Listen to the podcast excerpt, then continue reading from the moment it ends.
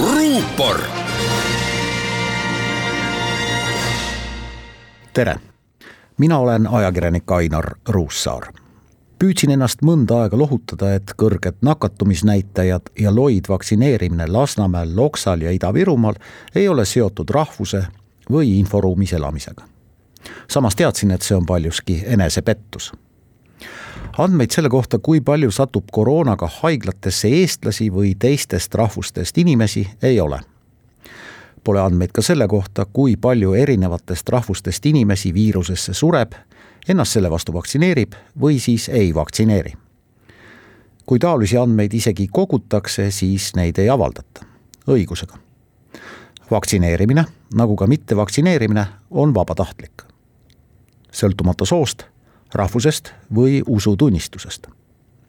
nakatumine ei ole vabatahtlik, see on saatus või ettevaatamatus. teiste nakatamine, olgu see siis põhjustatud juhusest, teadmatusest või piirangute vastasest protestivaimust, ei ole aga üheselt mõistetavalt vabatahtlik. seda sõltumata soost, rahvusest ja usutunnistusest Ida-Virumaal ei ole huvi vaktsineerimise vastu just ülemäära suur nädalavahetuse suurvaktsineerimisest jäi seal üle paarsada Moderna doosi ja tegemist on endiselt ainsa Eesti maakonnaga, kus vaktsineerituid on alla kümne protsendi elanikest. nädalavahetuse kampaania ajal tuli ennast Terviseameti andmetel süstima vaid veidi üle seitsmesaja Ida-Virumaal elavast seitsmekümneaastasest ja vanemast inimesest. ülejäänud pool tuhat doosi said nooremad peamiselt riskirühma kuuluvad elanikud. Pole hullu peaasi, et nad vaktsineeritud said. hull on see, et kõik need, kes vanuse poolest riskirühmas, ei vaktsineeri. Postimees püüdis mitte-eestlaste suhtumisse vaktsiini selgust tuua ja küsitles täna avaldatud reportaažis mõnesid Kloogal, Loksal ja Paldiskis elavaid eakaid venelasi. silmatorkavad erandid panevad jahmatama seitsmekümne kaheksa aastane Ivan usaldab vaid Venemaa vaktsiini Sputnikut, kuna ka president Putin lasi ennast sellega vaktsineerida. pensionärist Tamara ei usalda mitte ühtegi vaktsiini.